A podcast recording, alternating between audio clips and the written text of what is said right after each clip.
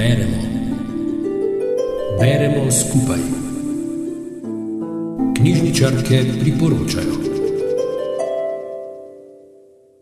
Dobrodošli v naši družbi, dragi ljubitelji branja. Dobrodošli na valovih Radia Sora, kjer nam bo v nadaljevanju Polona Homec iz Škofeloške knjižnice Ivana Tavčarja predstavila detektivski roman Marlovska detektivska druščina, ki ga je napisal angliški scenarist in romanopisec Robert Torogut, v slovenščino pa prevedla Ana Toman Fabian.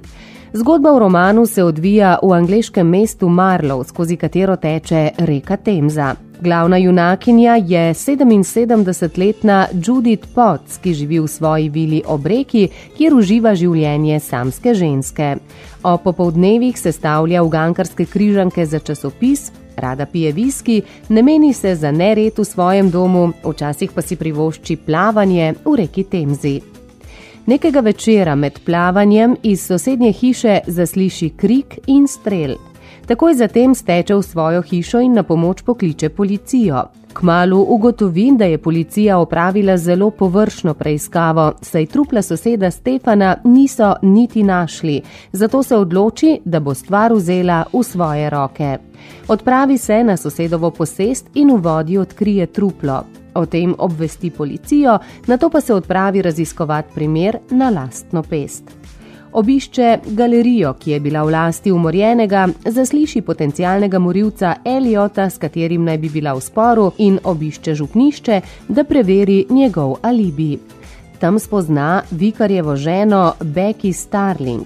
Becky vloga vikarjeve žene ne ustreza najbolje, zato njen drugi jaz ob večerjih zaživi na spletu, kjer se na družabnih omrežjih skriva pod lažnim imenom in se sproščeno izraža.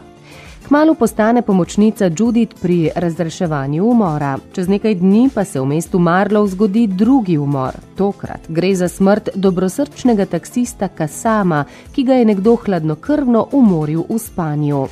Ob raziskovanju te sumljive smrti Judith pozna Suzi, lokalno sprehajalko psov, ki je bila z umorjenim neposredno povezana, se je sprehajala njegovega dobrmana. Tudi Suzi vneto razmišlja o vzrokih za taksistovo smrt in tako postane partnerica Marlovskega detektivskega kluba. Tako taksist kot sosed Stefan sta imela v času smrti ob sebi zlati medaljon, ki ga je k njima položil morilec v mestu Marlov pa se na to zgodi še tretja smrt. Bo trem sveže pečenim detektivkam uspelo razvozlati povezavo med tremi primeri? Roman po svojem lahkotnem slogu spominja na serijo romanov Četrtkov klub za umore, kjer štirje upokojenci v domu za ostarele preizkujejo umore.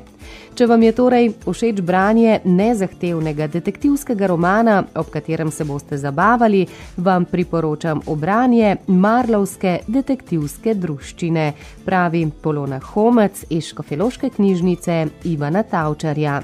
In še tale namik. V angliškem jeziku je od lani že mogoče brati tudi nadaljevanje serije Marlovskega detektivskega kluba z naslovom Dead Comes to Marlow. Upajmo, da bomo kmalo dočakali tudi prevod v slovenski jezik. Rubrika Beremo skupaj nastaja v sodelovanju z Radijem Sora.